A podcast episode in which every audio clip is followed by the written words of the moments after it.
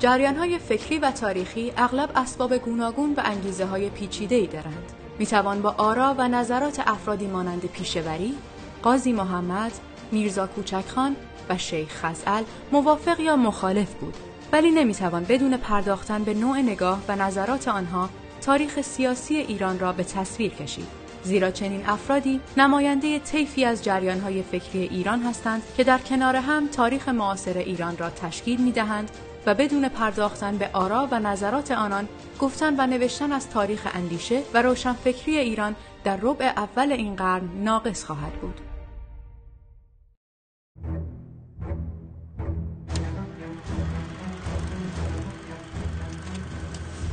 سید جعفر جوادزاده مشهور به پیشوری در سال 1272 شمسی در روستای سید لرزیوسی از توابع خلقال متولد شد و در ده دوازده سالگی به همراه خانوادهش به قفقاز رفت.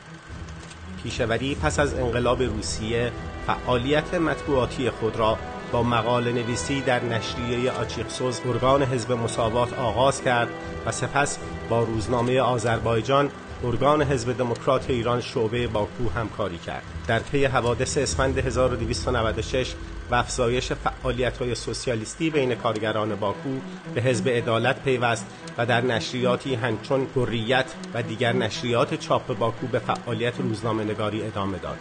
او در عواست سال 1298 در خلال کنفرانس عمومی حزب عدالت به عضویت کمیته مرکزی آن درآمد. پس از سلطه بلشویکها بر جمهوری آذربایجان و اشغال انزلی توسط شوروی در اواخر اردیبهشت 1299 در گیلان به همراه دیگر اعضای حزب عدالت فعالیت سیاسی گسترده را شروع کردند.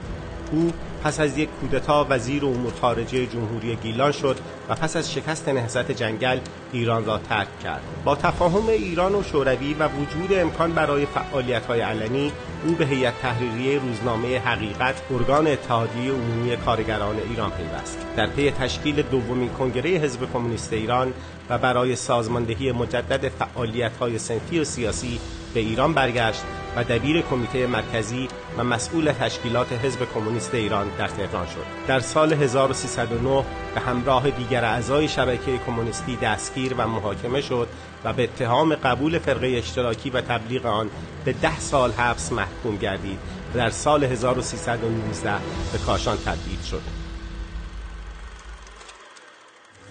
20 روز بعد از شهریور 1320 و خروج رضاشاه از ایران او خود را به تهران رساند. پیشوری در انتخابات دوره چهاردهم مجلس شورای ملی به عنوان نماینده اول تبریز انتخاب شد ولی در 23 تیر ماه 1323 به اعتبارنامه وی علا رغم حمایت دکتر مصدق از وی به علت مخالفت نمایندگان محافظ کار به رهبری سید زیادین تباتبایی و مخالفت بعضی از نمایندگان حزب توده تصویب نشد.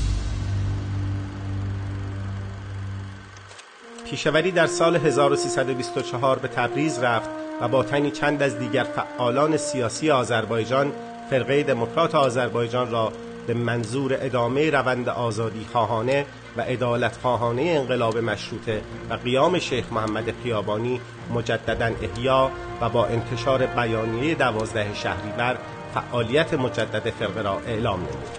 مهمترین اهداف فرقه که در آن بیانیه آمده بود چنین است. کسب خود مختاری داخلی آذربایجان توأم با حفظ استقلال ایران. احیای انجمنهای ایالتی و ولایتی در سراسر ایران. تدریس زبان ترکی تا کلاس سوم در مدارس آذربایجان و بعد از آن تدریس توأم زبان فارسی و ترکی. توسعه صنایع و کارخانه ها و آبادانی شهرهای آذربایجان برای رفع بیکاری و عدم مهاجرت آذربایجانی ها توسعه صنایع و کارخانه ها و آبادانی شهرهای آذربایجان برای رفع بیکاری و عدم مهاجرت آذربایجانی ها بهبود وضع دهقانان و تعیین حدود مشخص بین اربابان و دهقانان. مصرف بیش از نصف مالیات های آذربایجان برای آبادانی خود آذربایجان.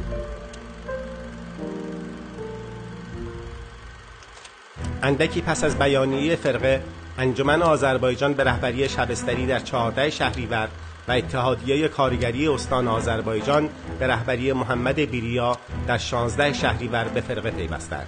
از 19 الی 29 آبان از طرف فرقه در شهرهای مختلف آذربایجان راهپیمایی هایی ترتیب داده شد که ترین درخواست های راهپیمایان تشکیل انجمنهای ایالتی و ولایتی بود در 29 آبان ماه کنگره بزرگ فرقه دموکرات در سالن شیر و خورشید تبریز با شرکت 724 نفر از نمایندگان توسط حاج عظیم خان برادر ستارخان افتتاح کردید در روز پایانی کنگره عملا به مجلس مؤسسان برای تشکیل حکومت ملی تبدیل شد و یک هیئت مرکب از 39 نفر را به ریاست علی شبستری تعیین کرد. مجلس مؤسسان پس از تصویب و مطالبات خود آن را به عنوان اعلامیه به محمد رضا شاه و مجلس شورای ملی مخابره کرد. به دنبال آن در 14 آذر 1324 انتخابات مجلس ملی آذربایجان شروع شد و رأیگیری به مدت پنج روز ادامه داشت و 80 نماینده مجلس ملی آذربایجان انتخاب شدند و مراسم تنفیذ نمایندگان مجلس آذربایجان به صورت نمادین توسط معصوم دختر ستارخان صورت پذیرفت. پس از تشکیل مجلس ملی در تاریخ 21 آذر 1324 حکومت خودمختار آذربایجان شروع به فعالیت نمود. این اقدام با تصرف پادگانها و واحدهای نظامی توسط اعضای فرقه دموکرات موسوم به فداییلر در تبریز، ارومیه، زنجان، اردبیل و دیگر شهرهای آذربایجان همراه بود. در مورد علل تأسیس فرقه دموکرات عواملی ذکر شده است که برخی از آن عوامل عبارتند از وجود روح خودمختاری در طول تاریخ آذربایجان علل خصوص که انقلاب مشروطه نیز با به تصویب رساندن قانون انجمنهای ایالتی و ولایتی به آن جنبه قانونی داده بود. تبعیضها و تحقیرهای حکومت پهلوی اول سیاست تبعیض‌آمیز دولت مرکزی نسبت به آذربایجان و عدم سرمایه گذاری مناسب در آذربایجان. به عنوان مثال بودجه‌ای که برای تهران در نظر گرفته شده بود 20 برابر مبلغ تعیین شده برای آذربایجان بود در حالی که در آن زمان جمعیت آذربایجان سه برابر جمعیت تهران بود. اقدامات ارتجاعی دولت مرکزی در سرکوب احزاب و سازمانهای دموکراتیک و تجهیز و تحریک اشایر و روحانیون برای ضربه زدن به نهادها و سازمانهای جنبش چپ در ایران. تأکید فرقه دموکرات بر خودمختاری آذربایجان پشتیبانی از هویت ترکی مردم آن و دفاع از تدریس به زبان مادری در مدارس بازتاب وسیعی در تهران یافت و افرادی مانند کسروی، محمود افشار، عباس اقبال و عبدالرحمن فرامرزی در نوشته های خود به دفاع از هویت ایرانی و ایرانی بودن آذربایجانیان برخواستند و عباس اقبال گفت چه کسی آثار جهانگیر فردوسی مولوی و حافظ را با وراجی محجور و نابهنجار قارتگران ترک عوض می کند سید زیا نیز در روزنامه اراده ملی نوشت فارسی باید همچنان زبان درسی در تمام مدارس دولتی باشد زیرا ترکی صرفا یادگار شومی است از مغولان وحشی که به ایران هجوم آوردند. در طی یک سالی که فرقه در قدرت بود تحولات عمیقی در زندگی اقتصادی اجتماعی سیاسی و فرهنگی اهالی آذربایجان به وجود آمد. اقدامات جدی فرقه در مورد آزادی زنان تأسیس دانشگاه تقسیم بلاعوض زمین های خالصه و دهات اربابان فراری بین دهقانان تأسیس پرورشگاه برای کودکان بی سرپرست تأسیس مدارس و تدریس به زبان ترکی مبارزه با بیسوادی حق رأی برای زنان راه اندازی شبکه رادیویی تأسیس درمانگاه ها ایجاد کارخانه ها آبادسازی شهر لوله کشی آب آسفالت کردن خیابان ها و غیره سیمای تبریز ویران و عقب مانده را تغییر داد. فرقه همچنین یک قانون جامعه کار تصویب کرد و مالیات مواد غذایی و کالاهای ضروری را به مالیات بر درآمد سودهای تجاری حاصل از کالاهای لوکس تبدیل کرد. حجم خدمات ارائه شده توسط فرقه دموکرات آنچنان گسترده بود که حتی مخالفان فرقه هم پذیرفتند که خدمات ارائه شده در آن یک سال بسیار بیشتر از کل خدمات دوران 20 ساله رضاخان بوده است. آذربایجان دقیقا کجاست و مرزهای این حکومت خودمختار به چه مناطقی محدود می شود این پرسشی بود که توافق نظری در پاسخ به آن وجود نداشت. پیشوری به همراه دیگر سران فرقه از جمله علی شبستری، صادق پادگان، محمد بیریا و سلام الله جاوید در 26 دیماه سال 1324 نقشه ای تهیه نموده و مرزهای این حکومت را تعیین نمودند. اما در این حال در سندی که در این زمینه تهیه شد آمده بود که در این نقشه قسمتی از عراضی آنچه کردستان شمالی خوانده شده نیز قرار گرفته و مرزهای نهایی پس از حل مسئله تشکیل حکومت در کردستان شمالی تعیین خواهند شد. هشت روز بعد از امضای این سند در همان مناطقی که در سند 26 دیماه کردستان شمالی خوانده شده بود توسط قاضی محمد اعلام جمهوری گردید. به منظور تعیین مرزهای دو حکومت به دعوت پیشوری قاضی محمد به همراه جمعی از یارانش مسلح به تبریز می روند تا درباره عراضی تحت حاکمیت مذاکره و مرزهای بین دو حکومت را تعیین نمایند. از 36 روزنامه‌ای که در زمان فرقه دموکرات در آذربایجان منتشر می‌گشت 15 روزنامه به ترکی و یا ترکی فارسی بودند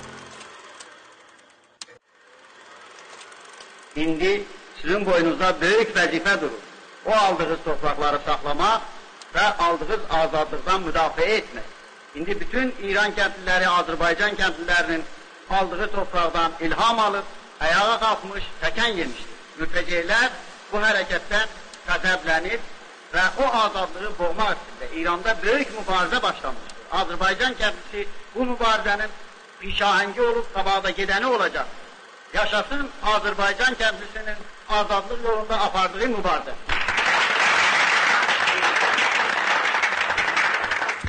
تشکیل فرقه دموکرات آذربایجان خوشایند دولت مرکزی نبود و از آن بیم داشت که مبارزه با استبداد که از آذربایجان جوانه زده و در حال رشد بود به مناطق دیگر سرایت کند. از آن رو از همه توان خود استفاده کرد تا آن را در نطفه خفه نماید. دولت‌های وقت یکی بعد از دیگری نمایندگانی را به تبریز فرستادند که همراه با تهدید با سران فرقه گفتگو کنند و در نهایت نوبت به احمد قوام سیاستمدار کهنکار رسید. در این میان فرقه با عملکرد و فعالیت‌های اجتماعی، فرهنگی و عمرانی خود جایگاه ویژه‌ای در بین مردم پیدا کرده بود که تهران را بیشتر نگران می‌کرد. قوام از در آشتی که بعدها مشخص شد حیله‌ای بیش نبود وارد شد و نماینده خود مزفر فیروز را به تبریز فرستاد. فیروز در تبریز موافقت نامه‌ای در پانزده ماده تنظیم کرد که مورد قبول فرقه قرار گرفت و برخی از اقدامات فرقه مانند تدریس زبان ترکی در مدارس ابتدایی، اصلاحات ارزی و تشکیل نهادهای مدنی را به رسمیت شناخت. همسو با آن فعالیت انجمنهای ایالتی هم بر اساس قانون اساسی آزاد و قانونی اعلام شد و وزرای حکومت ملی آذربایجان هم در رأس ادارات مربوطه قرار گرفتند گروه های فدایی در ژاندارمری که نام آن به نگهبانی تغییر کرده بود ادغام شد و فرماندهی نیروهای مسلح با صلاحدید و مشورت انجمن ولایتی تعیین می‌شد. دولت مرکزی سلام الله جاوید را به عنوان استاندار و میرزا علی شبستری را در ریاست انجمن ایالتی به رسمیت شناخت.